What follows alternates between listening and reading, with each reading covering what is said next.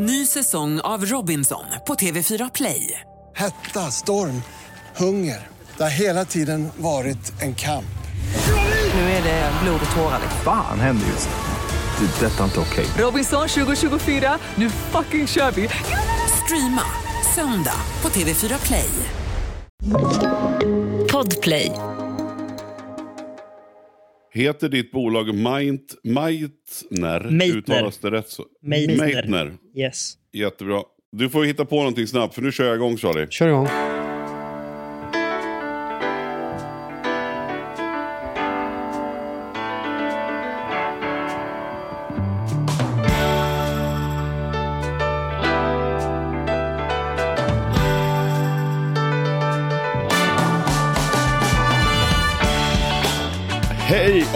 Varmt välkomna till Ekonomi på riktigt med Charlie och Mattias. Och det är jag som är Mattias och på andra änden så har vi Charlie. Välkommen Charlie. Tack så mycket. Vi är ju faktiskt på olika platser idag. Så jag sitter i Stockholm och du sitter i Sörmland. Mm, det gör vi ju rätt ofta. Det är rätt ofta. Vi tycker inte att det blir så jättestor skillnad för att vi är på olika platser.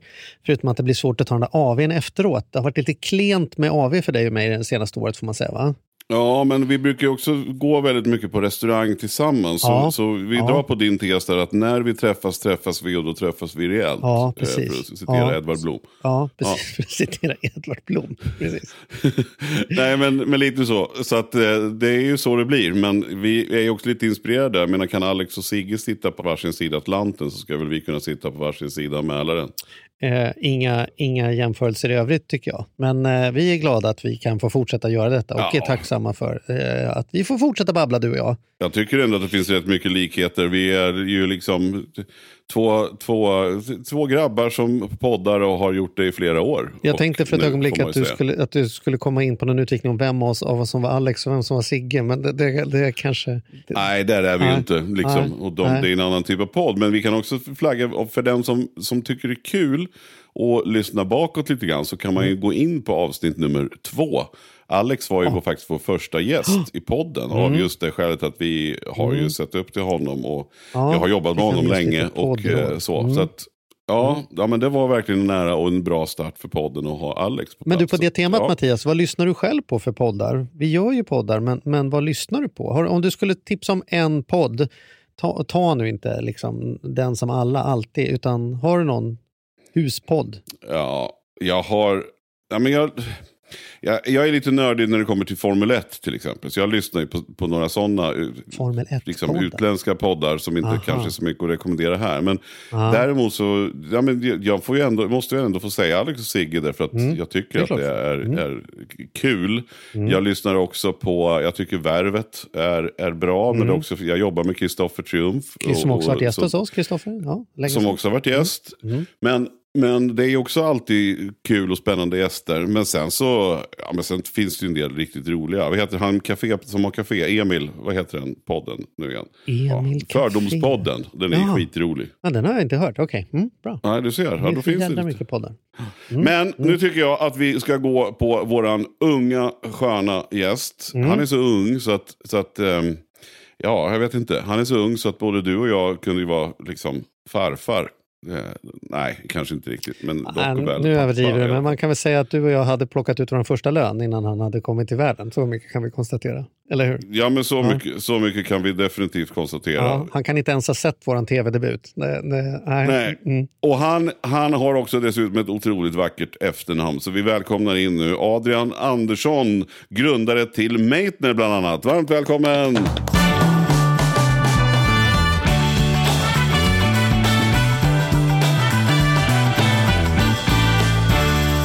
Stort tack att jag fick komma hit. Hur är dagsformen? Det är bra faktiskt. Ja. Det är, suttit hemma hela dagen, jobbat, varit ute med hunden precis när jag kom hit. Så eh, jag känner mig laddad. Ja. Hur trött är du på att hålla på och prata om att du är ung? Jag är nog för ung för att ha insett det än, tror jag. Ja, tror det. Så att, Ja, för det är ju liksom den här första frågan som, alltid, som jag tänker att du alltid får. Mm. Liksom, att, åh, du, hur gammal är du? ja, liksom, hur känns det och grejer. Så här. Ja, men, Men- det, det har ju sina fördelar, men det, du möts ju av en hel del problematik av det också. Det finns en hel del åldersdiskriminering. Så här, när man jobbar med offentlig sektor, som man sitter i nu och såna bitar. Men det är små passiva grejer. Att man inte har förtroende på samma sätt när man går in, även fast man kanske har kunskapen om det. Så blir det direkt dömt. Men du har inte riktigt åldern, så du bör inte heller ha kunskapen om det. Mm. Så att, det är en hel del sånt. Men eh, jag tror när man lär sig hantera det så har man ett guldkort att spela varje gång. Mm. Eh, Men jag tror att det gäller att vara först med att säga att man är ung. Mhm. Eh, Och ett exempel kan vara att men, jag är ung och lite naiv och därför ser jag så otroligt mycket problem med det här. Men också mycket lösningar för att jag har fött upp med IT. Liksom, när vi pratar med kommuner som tycker att men, det här kanske är lite långt fram och digitalisera sig i de frågorna. Då kan man dra det som en parallell. Liksom, och säga, men jag är ung, jag växte upp med hela digitala världen. Så därför förstår jag det här. Mm. Och då kan man ha det i sin fördel. Men du, man, kan, vi, kan vi sätta dig på kartan lite grann? För den, om det är någon som lyssnar och inte har koll på vem du är, Mm. Vem, vem, är, vem är du? Vem är jag? Ja. Nej, men Adrian Andersson, 22 år gammal, bosatt i Solna nu sedan några månader tillbaka, men är från Sollentuna annars, norr om Ja. Stockholm. Ja. Så bor nu med min sambo och en hund. En liten hundvalp som... Eh, En bra coronahund? faktiskt. En coronahund faktiskt. Mm. Han är ett år lite drygt, så det är verkligen Ja. en coronahund. Ja. Nej, men till vardags så driver jag egentligen företag. Drivit mitt första bolag när jag var 15 eh, och gjorde första konkursen egentligen när jag var 16. Eh, Ja. Och därefter började väl resan, får man säga. ja. Vad var det då? då? Vad var det som inte flög? Uff, det var en... Eh, tanken var kanske bra, men vi skulle på klassresa i Gotland i skolan eh, och vi började sälja salamikorvar, strumpor och Hundra underkläder. och- lättsålda salamikorvar som Ja, den klassiska annonsen. Ja, exakt. Och Mm. Det var saffran och vad det nu var, kakor och allt där. Mm. Åka, sprang in pengar till klassen egentligen. Mm. Och insåg väl direkt att säljer man i Stockholm och knackar dörr så svarar alla samma sak. Jag köpt av grannskolan, Mm. parallellklassen, Mm. vad det nu är. Alla säljer samtidigt in på våren och det blir bara tvärstopp. Mm. Så jag letar efter alternativ, hittar inget. Så strax därpå la jag en order på mobilladdare från Kina och Mm. la typ alla mina sparpengar på att beställa mobilladdare. Fick in ett stort lass och trodde jag visste marknadsföring. Jag hade en målgrupp som var hela Sverige. Eh, Alla från 18, 16 var det väl, satt till typ 65 män och kvinnor hela Sverige. Och tryckte på play ungefär med alla sparpengar jag hade på Google Ads. Mm. Och pengarna forsade ut och ingenting konverterades in. Mm. Eh, Efter det lärde man sig begreppet med att specificera sin målgrupp Mm. lite mer. Mm. Så att, eh, la lite sparpengar på det, lärde mig lite mer hur Google Ads funkar, marketing och sen sa jag väl till mig själv att jag kommer aldrig jobba med digital marknadsföring. Eh, Det här gick inget vidare. Mm. Men Har det, du hållit det då? Eller? ja, jag är faktiskt inte, Nej. jag är ingen duktig person på marketing, Nej. skulle jag säga. Mm. Men jag tänker också så här, en annan fördom skulle kunna vara att om man är så ung och lyckas att man är lite född med en guldsked i mun. Hur är det med dig? Mm.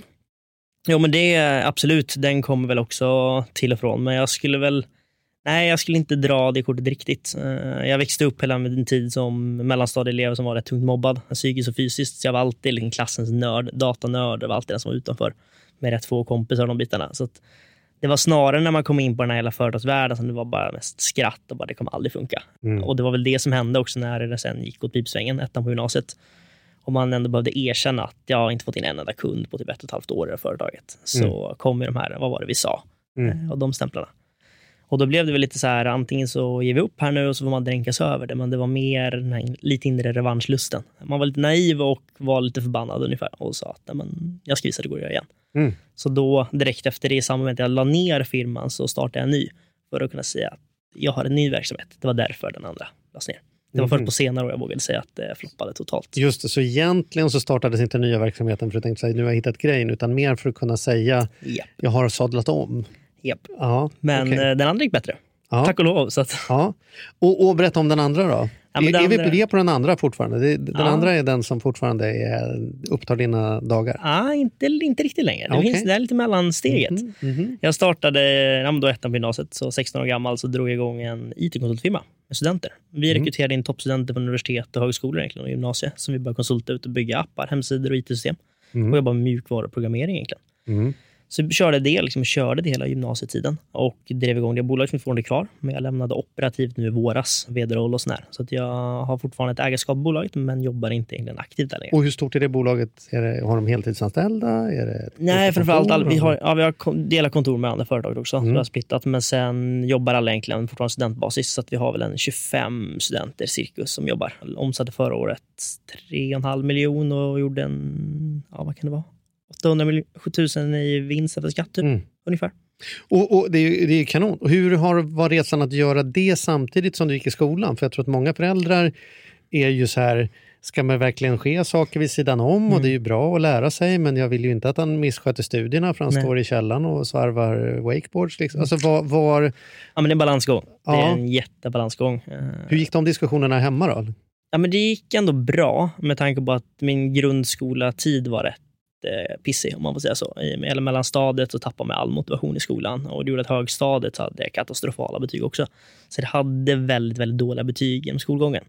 Sen gymnasiet och ettan och tvåan gymnasiet gick det jättebra. Fick toppbetyg i väldigt många ämnen och vände liksom upp och ner på allting. Men sa inte mamma och pappa så här, men förstår, förstår inte det här nu med att sitta på kvällarna och, och kräng liksom IT-personer? Det finns Mm. ett, du har ett långt liv på dig när du kan hålla på Jo, men det var och klart köpa att den, kostym. Är det inte läge nu att den kom en del. fokusera Absolut. på spanskan här tills vi är Mm. klara? Mm, nej, men det var klart, den kom så fort det var lite dåligt från skolan. Var det så här, men du kanske bör göra det, men samtidigt fick jag enormt mycket stöd. Och jag tror mycket av det hade att göra med att jag hade haft det så tufft i skolan. Så nu för första gången så trivdes jag ändå tillräckligt bra så länge jag kunde lägga typ all min vakna tid på företaget.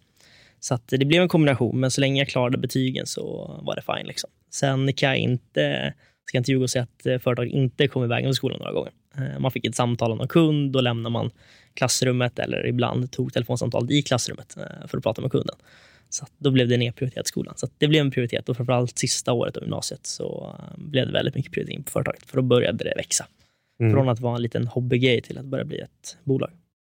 Men ofta när man startar igång bolag så här så är det ju ofta svårt, särskilt tänker jag i den typen av bolag. För det är mycket dataprogrammering ändå, liksom mjukvara som, som är grunden för dina bolag.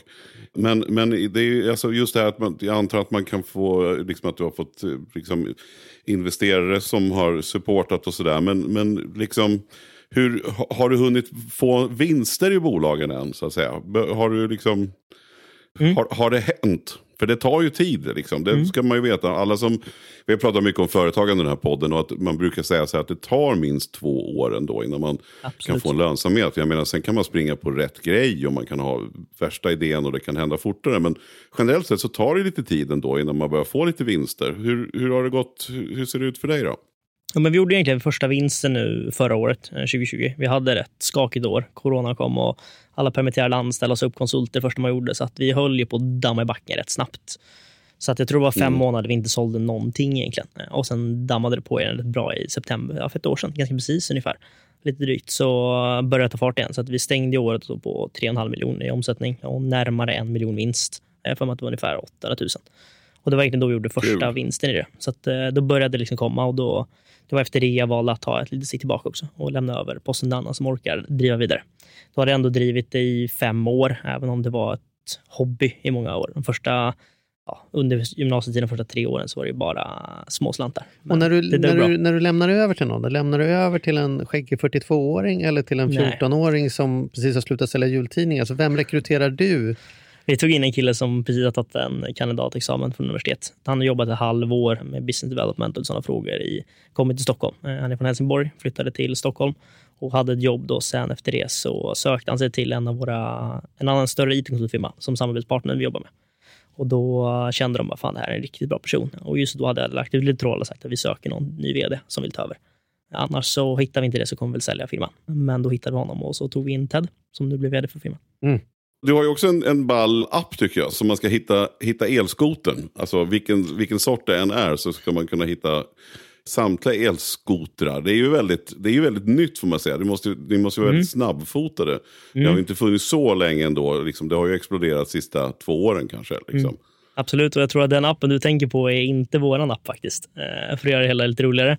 Det var, att, eh, det var just när elskoterhypen kom. Vi delade kontor med Voi när de exploderade. Så att vi såg dem gå från ja, ett rum till tre våningar på bara några månader ja, och kände fan det börjar liksom smälla här. Och det poppade upp. Ja. men det kom Tearcom, Limecom, Bird kom senare. Det var en hel del företag som poppade upp. Så vi sa det att vi hade lite tråkigt. Några konsulter sa vi, men kan inte bara bygga en app för det här? Så vi slängde ihop en app på några veckor för att egentligen samla alla elskotrar i en app. Så vi förberedde liksom allt, appen blev färdig. Vi skulle ut, eh, skicka in några artiklar mot Breakit bland annat och allt annat. Och bara så här, nu går vi ut med det. Eh, och dagen innan vi trycker på, vi sa vi skickar iväg det på tisdag, måndag är alltid kaos. Och på måndag morgon så kom det ut någon som har gjort exakt samma sak. Och det här var bara jättesidogrepp, det var kul och vi ville bara lösa ett problem.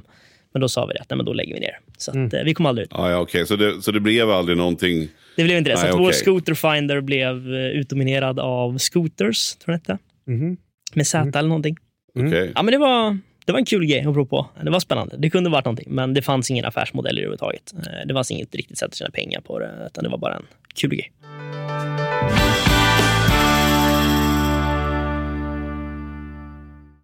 Den här podden gör vi även den här veckan i samarbete med Saveland. Fan vad kul det är att ha dem med ombord. Mm. Jätte, jätteroligt. Ja, vi brukar ju prata om att man har något band som man såg jag stod Bo Kaspers jädrigt tidigt liksom, innan man gjort tv-debut. Och du har något hårdrocksband som du var jävligt tidig på. Ja, alltså jag var på, på Lilla Teatern Göta Lejon och såg Metallica Ja. 1984. Så gammal är jag. Och jag var i kontakt med Saveland när det fortfarande var typ tre, fyra personer där från början. När jag fick möjlighet att träffa dem. Eh, och nu är de ett stort bolag, fyller tio år, finns på börsen och jobbar helt enkelt med att vanliga privatpersoner och företag kan investera pengar eh, i eh, lån och krediter. Så man får riktigt bra ränta. Så eh, det rullar på efter tio år, bättre än någonsin. Fantastiskt kul att ha dem med här i podden. Gå in, testa, kolla. Vi har en kod som gör att om du öppnar ett konto och använder på riktigt får du dessutom en insättningsbonus just. Precis, och vill man veta mer så som sagt gå in på saveland.se. Men Man kan också lyssna på Ludvig som har varit gäst i vår podd två gånger. Får Ja. man en ännu bättre inblick i Ja. vad, vad det är de pysslar med egentligen. Men eh, ja, saveland.se och stort tack. Ny säsong av Robinson på TV4 Play. Hetta, storm, hunger. Det har hela tiden varit en kamp. Nu är det blod och tårar. liksom. Fan händer just nu. Det. är Detta är inte okej. Robinson 2024, nu fucking kör vi! Streama söndag på TV4 Play. Ett poddtips från Podplay. I fallen jag aldrig glömmer djupdyker Hasse Aro i arbetet bakom några av Sveriges mest uppseendeväckande brottsutredningar. Går vi in med hemlig telefonavlyssning och, och då upplever vi att vi får en total förändring av hans beteende. Vad är det som händer nu? Vem är det som läcker? Och så säger han att jag är kriminell, jag har varit kriminell i hela mitt liv men att mörda ett barn, där går min gräns. Nya säsongen av Fallen jag aldrig glömmer på Podplay.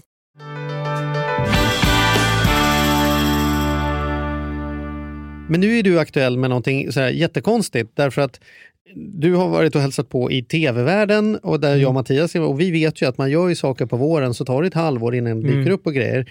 Och i det här fallet så har ju du varit med i Draknästet. Ja. Men själva vameandet skedde ju typ i, när spelade ni in? I februari och det kom nu i slutet av september. Så februari till september och man har kunnat se det här avsnittet nu då. Hur har det varit ett, att ett halvår sitta och ha gjort det där och inte kunna prata om det men ändå prata om det och liksom för att man kan ju inte pausa businessen ett halvår bara för att man har gjort en presentation. Liksom. Tvärtom, det, businessen går ju som ett tåget eh, hela tiden och det händer massa grejer. Och särskilt som nytt bolag som alltså startup så händer det jättemycket hela tiden. Mm. Och då, ja men det kittlade lite ibland. Vi fick med ett par ganska välkända namn. Fick med Jakob De Geer, bland annat från Izettle och Jonas Eriksson, fotbollsdomare och sån här, liksom, bland annat.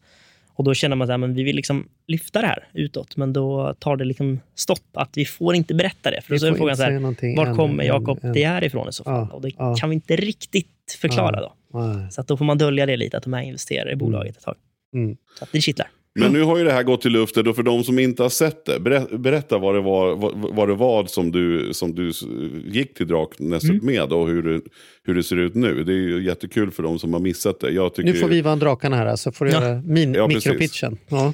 Ja, men så här, lite bakgrund bara innan vi kommer in på det. det var att, men jag hade konsultfirma egentligen och sen eh, efter gymnasietiden så men jag satt ju själv i massa, vi bygger skolsystem egentligen. Jag satt själv i skolsystemet, skolplattformar då.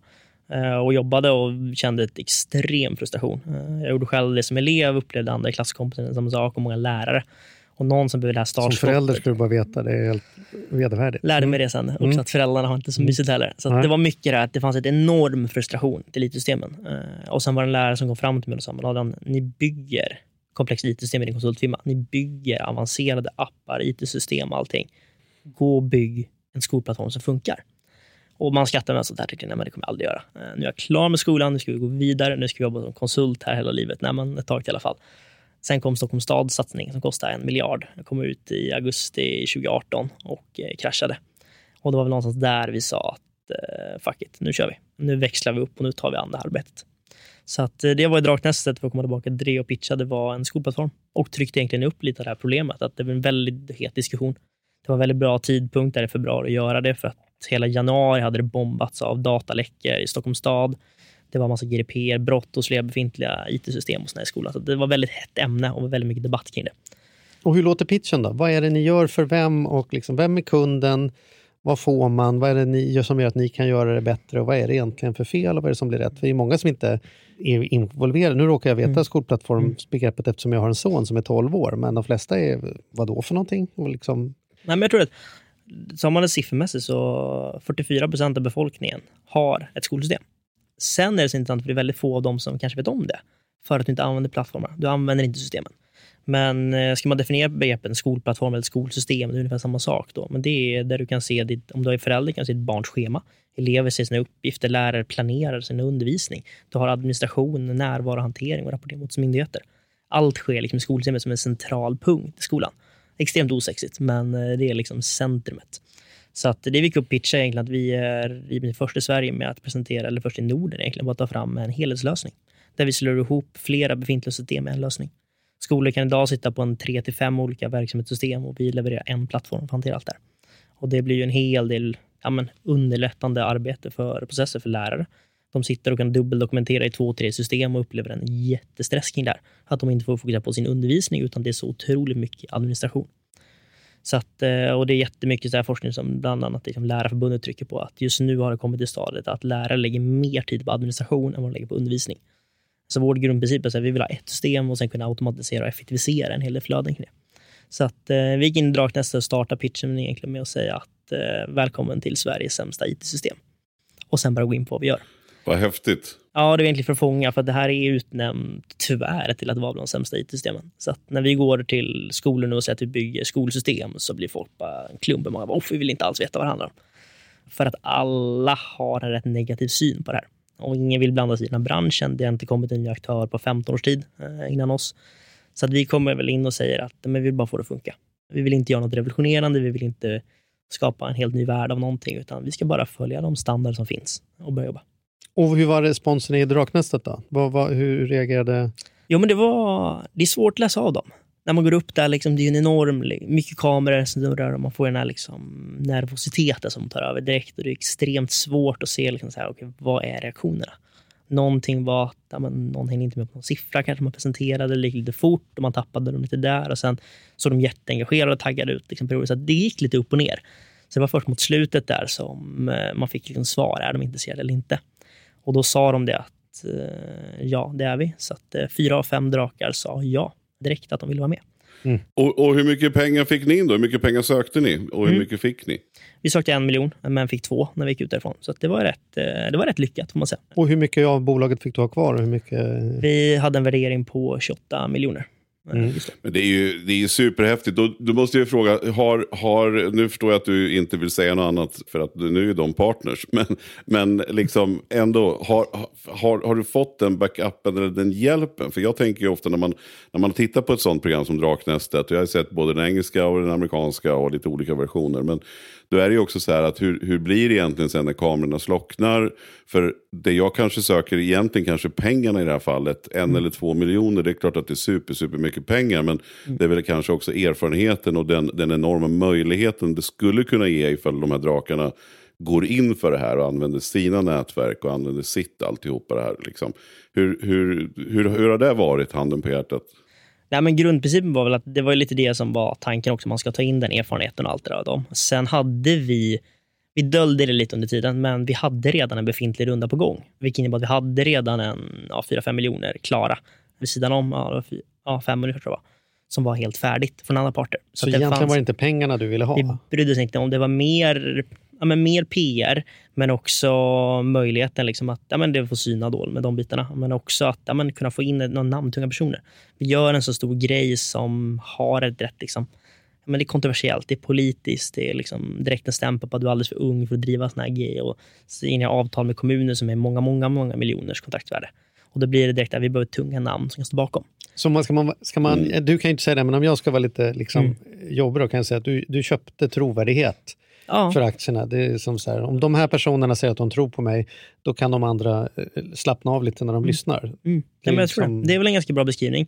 Och Sen var det inte den här dagliga hjälpen, utan vi, hade, vi har ett team som är jättebra och vi hade det då också.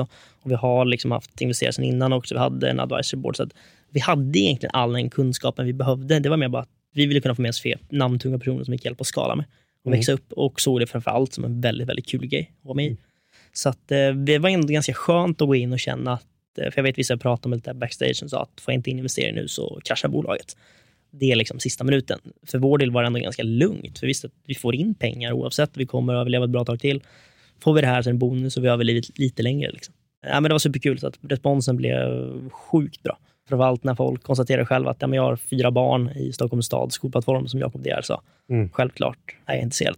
Mm. Och Det betyder väldigt mycket att få den här bekräftelsen att men folk förstår det man gör. Och som du, säger, du kan relatera, Charlie, och många andra kan relatera på det här sättet. Mm. Och Det tror jag är väldigt viktigt. Och Johan var väl, han, hans grej var väl att han grundade iSettle som han sen sålde till Paypal för 20 miljarder eller någonting Ja, va? Om jag minns exakt. rätt. Nej, det är ganska bra. Ja, det är ganska bra. Skithäftigt. Men, men vad, hur ser du då? Hur, hur är du liksom operativt? Sitter du, och knackar, sitter du och knackar kod nu eller är du ute och säljer? Är det, är det du som ska få Stockholms stad att förstå att de behöver ha Meitner? Eller, eller vad, hur är din roll? Eller tänker du så här, nej jag börjar snart med något nytt, nu får, liksom, nu får grabbarna fortsätta. Jag, jag erövrar nästa grej snart. Ja, nej, men det, nu har man verkligen hittat sin ja, men en riktig bebis. Det var jättekul att vara IT-konsult och bygga upp de bitarna. Men det, man kände, det som kittlades lite var att vi hjälpte mycket startups. Väldigt mycket startups jobbar med. Men man får inte vara med i resan. Man ser resan, kunna gå från lite bolag till bara explodera som bolag. Och vi jobbade med några sådana bolag, vilket var superkul. Men just att hela tiden stå på lite läktaren och inte få vara med och spela, den var lite retlig. Så att, eh, det känns jättekul att liksom, vara den här snabba världen där det händer grejer och driva ett liksom, edtech-startup som det klassas som. Så att, eh, nej, men jag har absolut en jättelångsiktig tid framför det här. Eh, Jag tror att det finns väldigt mycket att göra och inte bara på svenska marknaden. Det finns ett jätteproblem utomlands också. Så att, det är planen. Men finns det ingen oro för det då? Tänk om det går bra då? Alltså många unga bra. Ja, men alltså, för bolaget bra, men för dig är det ändå så här, många unga människor som är så här, bind inte upp dig Mm. för tidigt. Gift dig inte för tidigt. Liksom, Skaffa inte för mycket fasta kostnader med hus, utan se till att du kan ha möjligheter att välja lite olika. Du kan resa, du kan upptäcka världen. Nu sitter du redan idag med ett bolag där det är som om du och jag skulle bestämma så här, faktiskt shit, vi åker till Mexiko ett år. Ja, då är det, då är det folk som förlorar jobbet och vars barn inte längre Mm. kan gå på hockey. Alltså, du har ju mycket ansvar på dina axlar. Sen är Mm. det ett team och allt det där. Men det skulle sända ett oerhört negativt värde om du säger så här, 1, 2, 3, jag är inte med. Mm. Och du är 22 bast. Du, du nickar Ja, ändå som att är- det här kan inte vara okänt för dig. Att Absolut inte. du kan inte riktigt hoppa av. Du sitter redan Volvo, Mm. Volvo och Villa är ju ingenting jämfört med hur mycket du nu är uppbunden i. Mm. Nu är det det här du ska göra. Om du kommer på att fan, jag drar igång och startar sneakerföretag istället så, så blir det problem för många. Liksom. Mm. Absolut. Känner du den tyngden? Jo, men det gör man. Eh, och det, man har ju offrat väldigt mycket. Eh, jag tror det är svårt att förstå vid sidan av. Man har offrat extremt mycket när man gör en sån här grej särskilt i tidig ålder. För just det, här, men alla mina polare tar liksom sin kandidat eller masters nu för tiden. Jag har inte ett enda högskolepoäng, eller högskolepoäng. Rätt eller fel, liksom, men det är klart att det kittlas lite. Att så här, okay, Ni har gått liksom flera år efter gymnasiet nu och blivit färdiga och sen tittar man på vad har gjort under den tiden och bytt bolag. Men det finns ju den här skillnaden att men de är på studentfester. Eh, själv är man inte bjuden för man är inte med på en studentkår och de här bitarna. Missar en del av det livet. Folk åker på festresor som man kanske är mer begränsad till att göra. Eh, och det är i många fall man liksom offrar att gå på festen en fredag, lördag kväll för man behöver jobba dagen efter. Och det är klart att ibland är det skitjobbigt. Men man hittar en, jag har hittat den här drivkraften, tycker att det jag gör är helt fantastiskt. Jag älskar verkligen det vi jobbar med. Och jag tror att det kan påverka så sjukt mycket folk. Så att, eh, det är klart att det har en, man är begränsad. Det är man, men du får också en enorm frihet. Eh, jag vet att andra kompisar som sitter på ett jobb där deras jobb, de kommer nio varje dag, de ska hem fem och de ska göra exakt samma uppgift varje dag. Och jag vet själv från min studietid i skolan att jag har ja, säkert lite ADHD, liksom man vill hela tiden göra grejer. Jag tröttnar på en grej efter en halvtimme. Det är därför jag hela tiden har liksom, ja, men tio olika små grejer hela tiden. Sen är det nog samma bolag nu för tiden, men det är ändå vid sidan om, så man kan jobba parallellt. Så att, och som du frågar Mattias, vad jag jobbar med framför allt, så det är egentligen mer säljbitarna. Eh, Jag har bara startat IT-bolag, men jag kan inte knacka kod. Jag har aldrig kunnat. Så att Mm. jag har inspirerat och fascinerats väldigt mycket av de som gör det, men själva bara sköter mer sälj, gillar att träffa människor och nätverka runt. Och då är det lätt att på något sätt kombinera de olika saker. Du träffar människor, du pratar, du ringer, du mejlar, du ja, och projektleder och gör lite allt möjligt. Och då får jag rätt frihet i rollen som gör att jag orkar på ett annat sätt och har kul hela vägen. Mm. Men då har du lite kommuner att besöka kan man säga. För det är väl, det är väl kommunerna som, som du vill ska bli dina kunder då helt enkelt? Absolut, kommuner och även eh, friskolor är väl också då det är privata aktörer. Det är B2B, så det är en blandning Ja, mellan B2B men också då, alltså företag till företagsförsäljning. Men också då ja, men offentlig sektor och börja med offentlig upphandling och sånt tungt. Efter valet kommer vi förstatliga skolan tror jag, så då får du en kund istället. Ja, exakt. Då är det lite jobbigare. Då har vi ett större projekt framför oss. Ja, Och när har ni Stockholms stad då? Jag har ju själv haft barn som har Mm. gått, gått där och tyckte alltså så, så, så uselt system som verkligen inte funkar som slutade med att jag inte loggade in liksom, på den där skolplattformen längre. Men när har ni Stockholms stad? Eller vad, vad, är, vad är drömmen liksom? När har ni, när, när har ni tagit stora marknadsandelar? Vad är, vad är planen liksom? Ja, men det tar ju, att driva bolag tar ju liksom tid. Du jobbar ju liksom långsiktigt med det. Om man sätter en femårsplan ungefär, eller du sätter en tioårsplan och vill leverera på tre. Det är ungefär så man börjar räkna på det och försöker liksom skala och därför tar du in riskkapital och investerar för att kunna accelerera så pass fort. Och det, så vi håller på att ta in pengar just nu också i samband med det här, så eh, det växer hela tiden. Men jag tror att Stockholms stad specifikt, de är låsta i sitt avtal tyvärr ett bra tag till. Så det vill nog ganska mycket till att de själva in, vill liksom, ja men, svälja den här fula grodan och säga att vi gjorde fel och vi behöver tänka om. De har lagt över en miljard redan och att göra det liksom, ja men det är svårt för dem. Det är mycket prestige. Eh, så jag tror att det kommer dröja väldigt lång tid innan det faktiskt släpps, det egna projektet. Jag har, jag har hävdat att en av de värsta sakerna för stat och kommun och landsting som förstör absolut mest pengaslöseri, mest eh, folkfrakt och, och myndighetsproblem är lagen om offentlig upphandling och den otroligt låga upphandlingskompetensen som verkar finnas Ja. eh, på andra sidan. Jag tycker det verkar som att var och varenda dag ser jag helt horribla avtal och sammanhang som är tecknade där man har köpt för billigast peng och sen är det ingen som ens levererar det de ska för de vet att det tar för lång tid att skapa igen. Ja. Alltså det verkar ju vara en mardrömsvärld. Man pratar om vinster i välfärden, tycker jag verkar vara det lilla problemet jämfört med förluster i, i jättemaskinen tack vare den här lagen som förstås är till för att vi inte ska ha massa såg politik och fula grejer, men som verkar göra systemet helt har havererat. Hur, vad, vad säger du? du? Kan du göra det utan att hamna i politiska konflikter här? Liksom? Hur är det för dig som sitter här och ska ändå sälja en, en som jag får hoppas då, riktigt bra produkt till några som är verkligen stort behov och sen så sitter det någon jätteklump här i mitten som gör att de si- sitter fast med skitavtal rent ut sagt. Liksom. Och det, ja, men det är ju det som är största svårigheten. Eh, B2B i friskolor är mycket lättare. Då är det så här, men är de missnöjda, då letar de vidare. Sen har problemet funnits att det inte finns alternativ hittills. Men där får vi ett jättestort intresse ganska snabbt att visa att det finns alternativ nu. Och då är de ofta villiga att kolla på det snabbare. Kommuner som du säger, ja, men de kan vara låsta i liksom 3-5, men i många, många fall 10-årsavtal. Jag tror det längsta avtal jag har sett med en kommun satt i, det var 25 års kontrakt av ett IT-system. Alltså, då var de väl halvvägs igenom, men ta 15 år tillbaka. Vi hade ingen smartphone. Eh, Ett avtal man inte kan säga upp hur illa dålig produkten än är och hur dåligt den Det är ju utvecklas och helt vad som händer. otroligt. Hur går det till att Ja. en vuxen människa skriver på ett sånt avtal och tänker så här, ja men det här blir nog bra, det här köper vi. Det, kan, det, det är ju verkligen... vill du ha ett ärligt svar? Ja, ja det, alltså för jag, min, min Nej, tes är att det verkar inte som om det finns en kurs ordentligt som att de människorna som är anställda att signa de här avtalen på riktigt gör ett bra Mm. jobb med vad de beställer och vad de köper och vad de avtalar. Mm. Det- Jag skulle säga det finns två problematiker. Liksom. Det ena är att eh, kommuner så har de ju upphandlare, eh, antingen en eller flera, en avdelning. Och de upphandlarna upphandlar allt. Från toapapper, pennor, vägar och liksom byggarbeten av nya hus till skolsystem. Så de har inte förståelsen för det de köper in. De har bara förståelsen för att upphandla och skriva upphandlingar. Men om man kunde det då, om man åtminstone kan upphandling, kan man väl inte skriva ett 25-årsavtal utan möjlighet att Mm. Nej. hoppa ur? Det verkar Men ju det som, som om det är- var första mötet på Ja, den där det är grundkursen det för som är- upphandlare. Och det som blir följdeffekten är ju att 25 år är väldigt radikalt, det är något enstaka fall. Liksom. Men det är ju ofta en fem, ja, femårsavtal, eller något, det är bara snitt mellan 3 och 7. Men det som framför allt innebär ju det här att det är jobbigt att göra arbetet. De gör med ett upphandlat skolsystem, det tar många månader. Vi kan se att de som kommer ut nu har ungefär 700 skallkrav. Alltså 700 krav vi som leverantörer måste leva upp till. Flera som är kanske helt absurda. Och varför de inte bara kan säga att vi vill ha typ det bästa systemet. Att de gör det överspecifikt, vilket gör det bara stökigt. Och det har ofta med att göra att det finns så mycket aktörer som bluffar. Det är extremt många av dem vi, ja men, vad ska man säga, konkurrenter eller vänner på marknaden som ja men, lägger bluffkort. De säger att vi klarar det här. Av 700 punkter så kanske de klarar 600 och sen kryssar de för de 100 andra. Och sen kommer man i slutförhandlingarna, man är inne och testar systemet och då kanske kommunen inser att men det här, ni håller ju inte det ni lovar. Det här är brottsligt. Och då säger de, jaha okej, ja, men då får vi väl kanske backa undan. Det blir bråk, sen får backa undan då. Då har ni lagt ett halvår och nio månader på att göra arbetet. Så får ni börja om. Och då har det kostat kommunen en massa pengar. Och då blir den här övervägandefrågan, har det kostat för mycket att göra arbetet med att det är billigare att gå vidare med en halvdan leverantör än att börja göra om?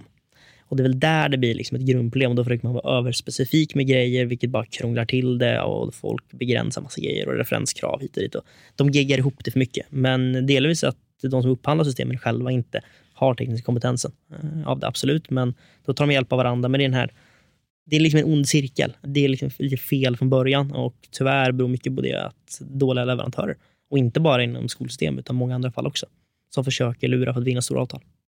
Ja, det här gör mig jätteupprörd. eh, Ja, för att jag tycker att det för, finns otroligt mycket pengar som försvinner. Och jag, jag är ju en, en människa som utgår från att folk gör sitt bästa. Så jag utgår från att de här människorna som sitter gör de här upphandlingarna verkligen, verkligen gör sitt bästa. Men det är någonting i det stödet de får, eller det sättet vi sätter upp det, som, som sätter upp det för att misslyckas. För i, tittar man i resultaten så ser det ju horribelt ut om och om igen. Man tittar på sjukhus som byggs för hur mycket pengar som helst och man tittar hur kunde det här gå till? Ah, för det ser ut så här att det får kosta lite vad det kostar. Eller Eh, Jag vet någon som skulle leverera datorer och de hade kommit en leveransplan som betydde att det här företaget skulle leverera fler datorer än man tillverkade på tio år. Och det var bara så, och då är de så här, nej men vi kan ju inte leverera. Ja men det står ju här. Ja men det står också ingen påföljd om vi inte levererar så att ni får väl vänta tills vi har grejer. Då, liksom. Och det är där, då måste ju kommunerna medvetet göra det jättesvårt för alla med blufföretag Ja. att komma in. Men det är också det att det blir jättesvårt för nya bolag. Så att kommer vi in som nya aktörer på marknaden, så pratar vi med en kommun, säger de att vi har en upphandling här på gång. Jättebra, vi kollar på den. Så står det att ni måste ha två kommuner av samma storlek. Då börjar man fundera, så här, men varför det? Mm. Eh, Hur ska vi få de två första? För om alla kommuner säger att det behöver två kommuner innan av minst samma storlek som oss, Mm. då är det väldigt svårt att få de två första. Mm. Ja, det är väl det hela tiden man bråkar med. Liksom. Och nu har vi hittat lite metoder för att börja komma in på det här liksom, på lite annat si- sidospår. Men det är extremt problematiskt här. Att folk, och mycket är väl leverantören fel på grund och botten som har pågått under väldigt många år tid eh, inom alla branscher. Men man måste vara överspecifik och det måste göra så krångligt som möjligt för att kunna köpa in. För att de är rädda att få blufföretag. Men det gör väl också att många av dem med stora namn kan vinna avtal fast de egentligen inte är något vidare. Mm. Och Det gör ju att det blir så nära, men om det är sjukvård eller IT-system eller vad det är, så vinner ett bolag som har en lång historia. Vi har funnits i 50 år, vi har funnits- byggt IT-system i 30 år i kommuner. Ja, men då är väl det lite trovärdigare. Sen att systemet inte når vidare blir väl lite så, ah, ja, men de har funnits länge. Och det är väl där att då skriver man en upphandling utifrån det systemet eh, som man kommer in. Så att det är väldigt begränsat och svårt för nya parter att komma in om man är nystartad leverantör. Så där får man vara lite finurlig och leta lite. Ja, Det ska bli väldigt spännande att följa, följa er resa och din resa framförallt. Jag tror ju, även om du, det är jättekul att du hittat din bebis och jag är övertygad om att du kommer driva, driva den på ett tryggt och bra sätt i många år framöver. Men jag, jag hör ju också och ser att du kommer att ha, man ska nog följa Adrian Andersson tr- tror jag. Det kommer hända mycket i ditt liv och du, jag är så imponerad av att höra dig eh, snacka så moget. Och, och återigen, jag vet att du är trött på att höra att du är ung, men nu är du ju faktiskt jävligt ung. Så att det, det är imponerande och man blir så här, man blir alldeles varm eh, att höra på liksom, ditt driv och, och på det sättet som ni har gjort. Det är superfascinerande. Kul att höra. Ja, roligt. Det får faktiskt vara slutpunkten för idag. Adrian. Mm. Känns det okej för dig? eller? Jättebra. Hoppas ni som har lyssnat tycker att det är okej också. Jag fattar att ni vill ha mer, men det, det, vi måste gå vidare också. Vet du. Det, det, det kommer mer nästa vecka. Precis, och vill man gå in och titta lite på vad Adrian gör så kan man titta Ja. på matener.se. Alltså M-E-I-T-N-E-R. Det framgår inte så mycket på hemsidan, men, men dock. Man kan ju ändå få en, en bra bild och eh, varför bolaget heter som det gör och sådär. Så att, ja, det ska bli jättespännande att följa och all, all lycka till med, ditt, med era system. För det behövs ju verkligen, det kan nog många skriva under på. Stort tack. Toppen! Härligt, det var det. Vi hörs om en vecka!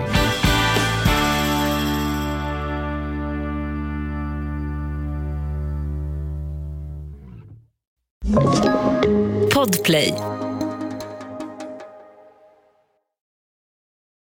Ny säsong av Robinson på TV4 Play.